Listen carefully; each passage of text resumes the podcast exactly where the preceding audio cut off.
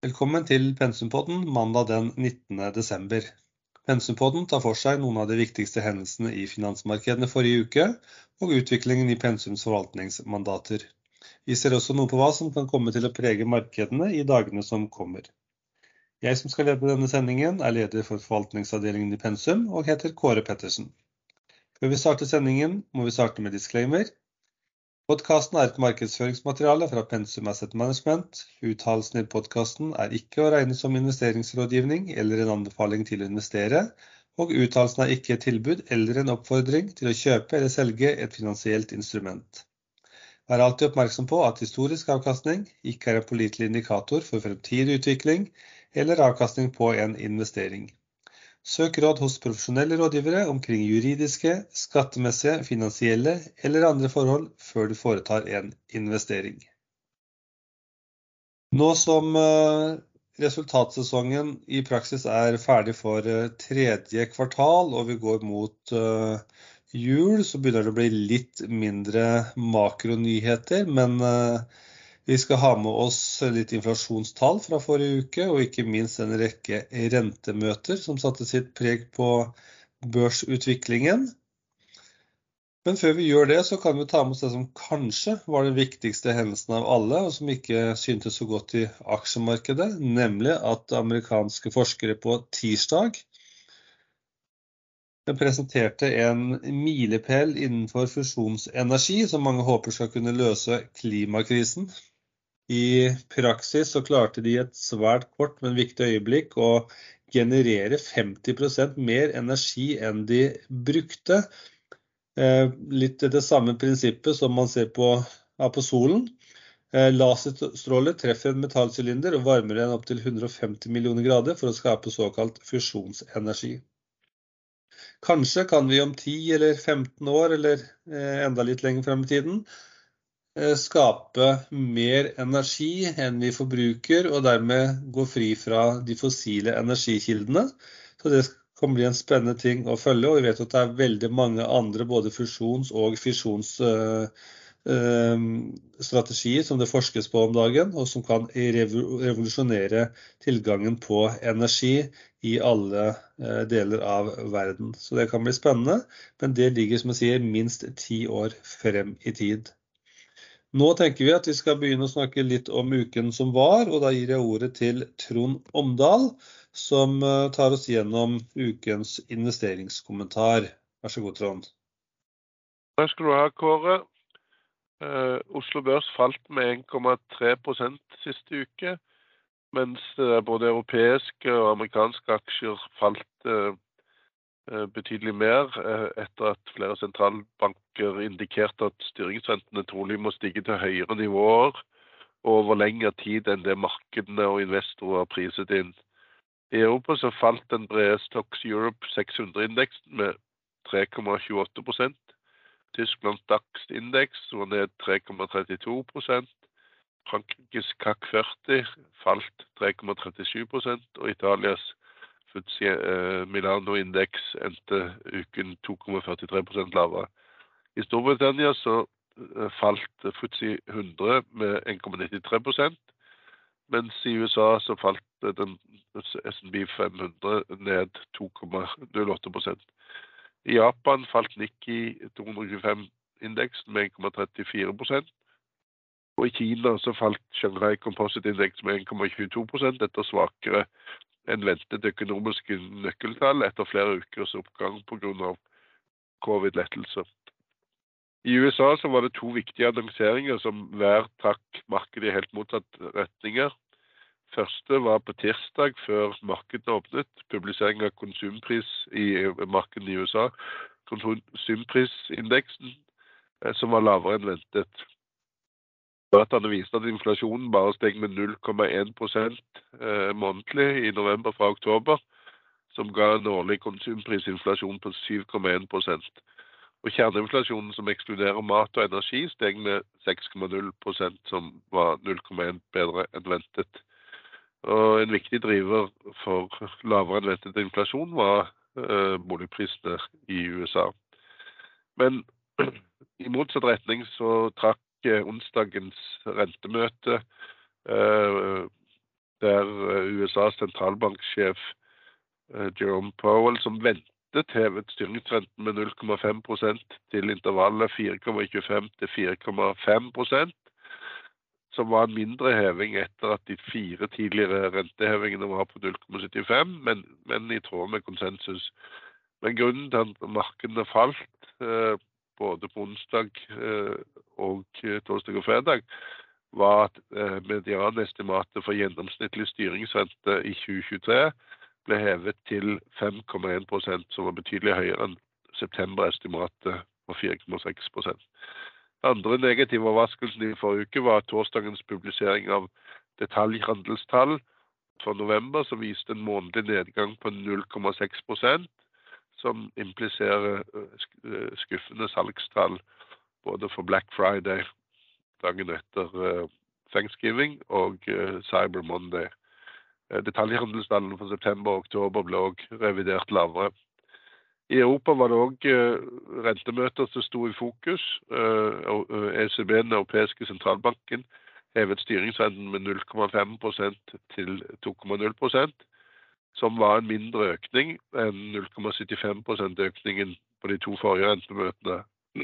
Men i negativ retning trakk at sentralbanksjef Christine Lagarde uttalte at rentenivået fortsetter fortsette å øke betydelig til nivåer uh, som er tilstrekkelig restriktive for å redusere inflasjonen til målet på 2% Sentralbanken ECB uttalte også at den planlegger å redusere obligasjonsporteføljen med 15 milliarder euro per måned fra mars og til utgangen av andre kvartal neste år. Andre nøkkeltall for uh, eurosonen var PMI, altså innkjøpsindeks fra SNP, som i november steg til 48,8% mot forventet 48,0, men fortsatt i negativt territorium. Av andre sentralbankhevinger så forrige uke så hevet Bank of England styringsrenten med 0,5% til 3,5. Det høyeste nivået på 14 år. Sentralbanken i Sveits hevet sin styringsrente med 0,5% til 1,0 og indikerte ytterligere hevinger, fremtidige framtidige hevinger, mens Norges Bank på torsdag hevet styringsrenten med 0,25% til 2,75 og signaliserte en forventet ytterligere renteheving i første kvartal neste år. Oljeprisen falt først i forrige uke, eh, på mandag, til 75 dollar fatet, som er det laveste hittil i år men steg så uh, senere eh, til uh, eh, 83 dollar per fatet etter de bedre enn ventet inflasjonstallene i USA. På tirsdag òg at OPEC rapporterte betydelig fall i produksjonen for november. Ca. 600 000 reduksjon. Uh, vi ser nå òg at russisk, lavere russisk oljeeksport eh, dukker opp i, i tankdataene eh, etter at det ble innført EU-sanksjoner fra 6.12. I tillegg så på onsdag så hevet eh, energibyrået i Paris etterspørselsestimatene for både 2022 og 2023, både pga. bedre enn ventet eh, tall for altså etterspørselstall actuals eh, i år, Uh, som delvis òg skyldes covid-lettelser uh, i Kina og gir forventet bedre uh, høyere etterspørsel neste år. Men Brent falt allikevel på slutten av uken til 79 dollar fatet, sammen med resten av, av markedet etter rentemøtet i USA på onsdag. og, og lagertallene i USA på onsdag var også svakere enn ventet, som òg trakk ned.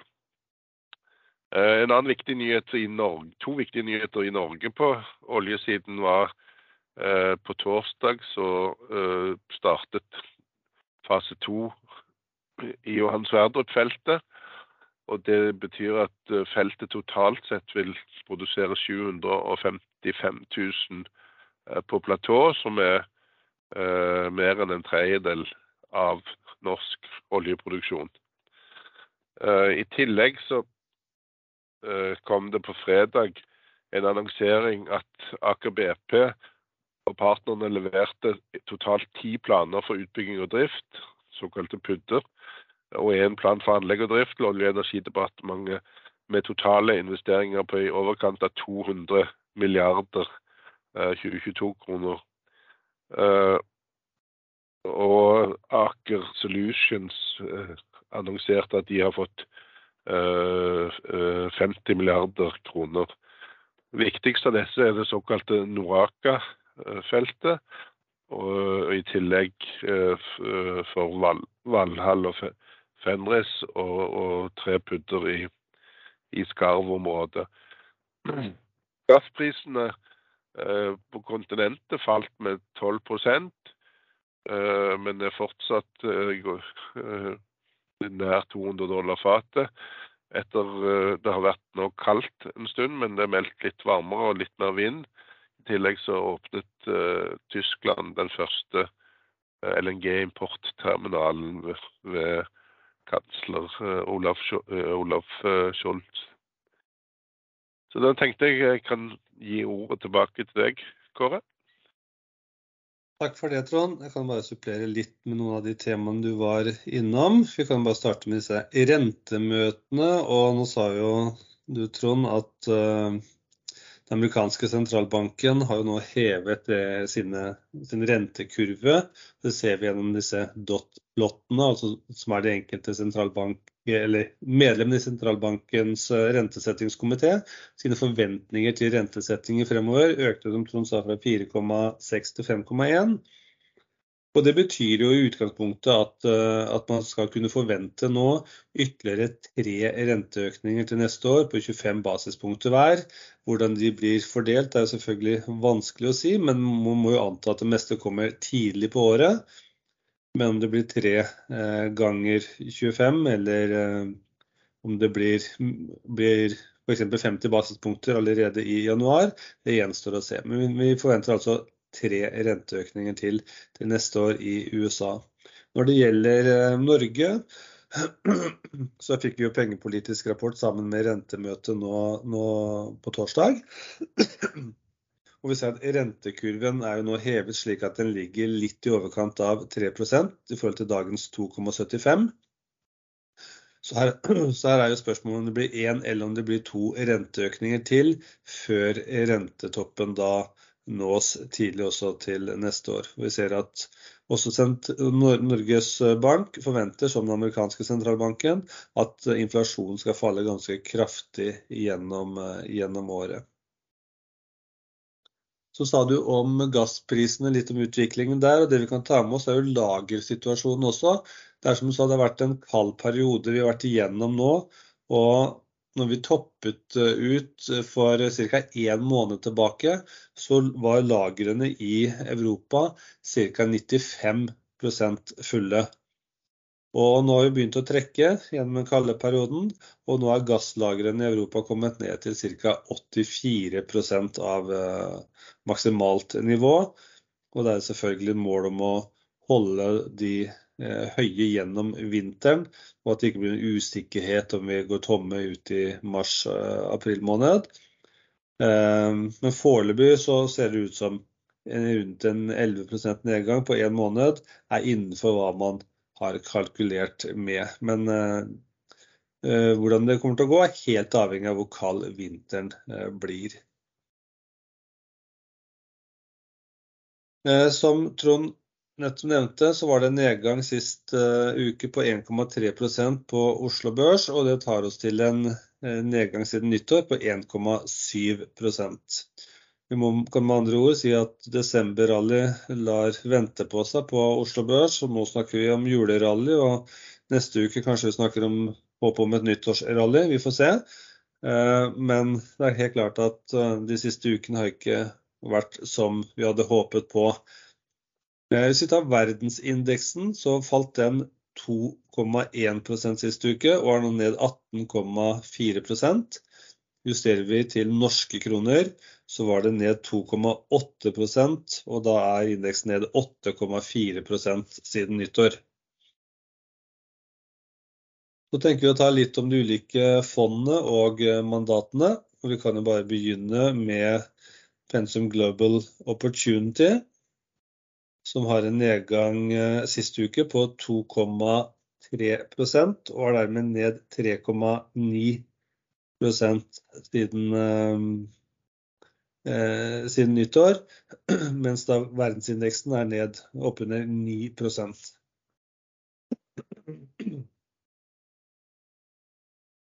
Så kan vi ta de ulike enkelte aksjemandatene, og da begynner vi med Norge utbytte. Som var ned 0,4% sist uke, og det kan vi jo da igjen sammenligne med indeksen som altså falt 1,3 Hvor de beste aksjene det var, eh, det var eh, Sparebank1 Midt-Norge som steg 3,8% Den gjorde det vesentlig bedre enn sparebankindeksen. Vi har Aker BP, som Trond nevnte, som leverte ti såkalte pudder i forrige uke, som steg 1,6% Og så har vi innenfor sjømat Lerøy Seafood, som steg 2,8% Så var det noen minuser, og det største minuset det var Norsk Hydro, som falt 7,5 Og det er nok, så var det en god periode vi hadde i forkant av forrige uke, men det var nok også litt mer ny resesjonsfrykt som har kommet inn i markedet, som trekker Norsk Hydro ned. Men alt i alt var det likevel en god uke for, for porteføljen. MPC Containership eh, steg 1 og betaler eh, tirsdag denne uken utbytte på ca. 1,90 kr for kvartalet som da utgjør omkring 10% av aksjekursen, altså utbetalt i løpet av ett kvartal. Så vi selektiv portefølje ned 0,9 og her var de beste, det var Høg Autoliners som steg 4,6% Det var ikke noe nytt der forrige uke, men vi ser at eksporten av biler fra spesielt Kina er stigende, er veldig solid. Og kapasitetsutnyttelsen er bra i sektoren, og ratene er på fortsatt høye nivåer, så vi ser fortsatt ingen svekkelse der. Lerøy Seafood bidro med samme 2,8% og det gjorde også Aker BP med 1,55 Og svakeste i, på selektiv portefølje, det var Protektor forsikring, som falt 4,8% Men det var ingen nyheter der.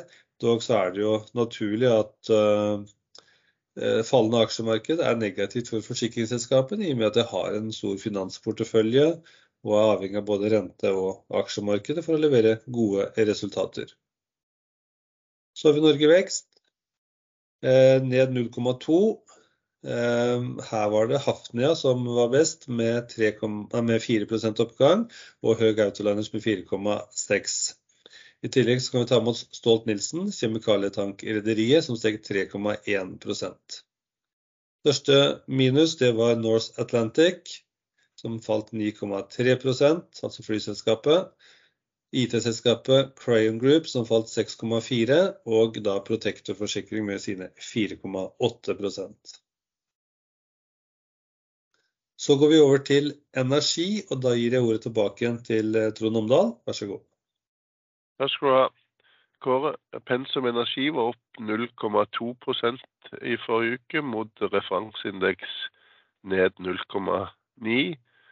Uh, og av de som var sterke i forrige uke, var òg for oss Hafnia, vår største posisjon, var opp 4 uh, eh, I tillegg så steg Aker BP med 1,6 uh, og Aker Solutions med 2 Eh, og International Petroleum Corporation var de positive. Flere av våre største posisjoner.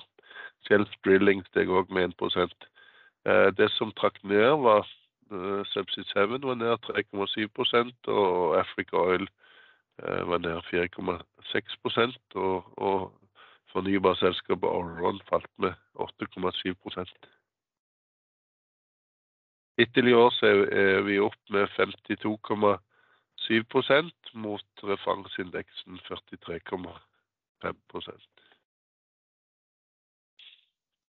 Ja, takk skal du ha, Trond. Da går vi videre til neste mandat.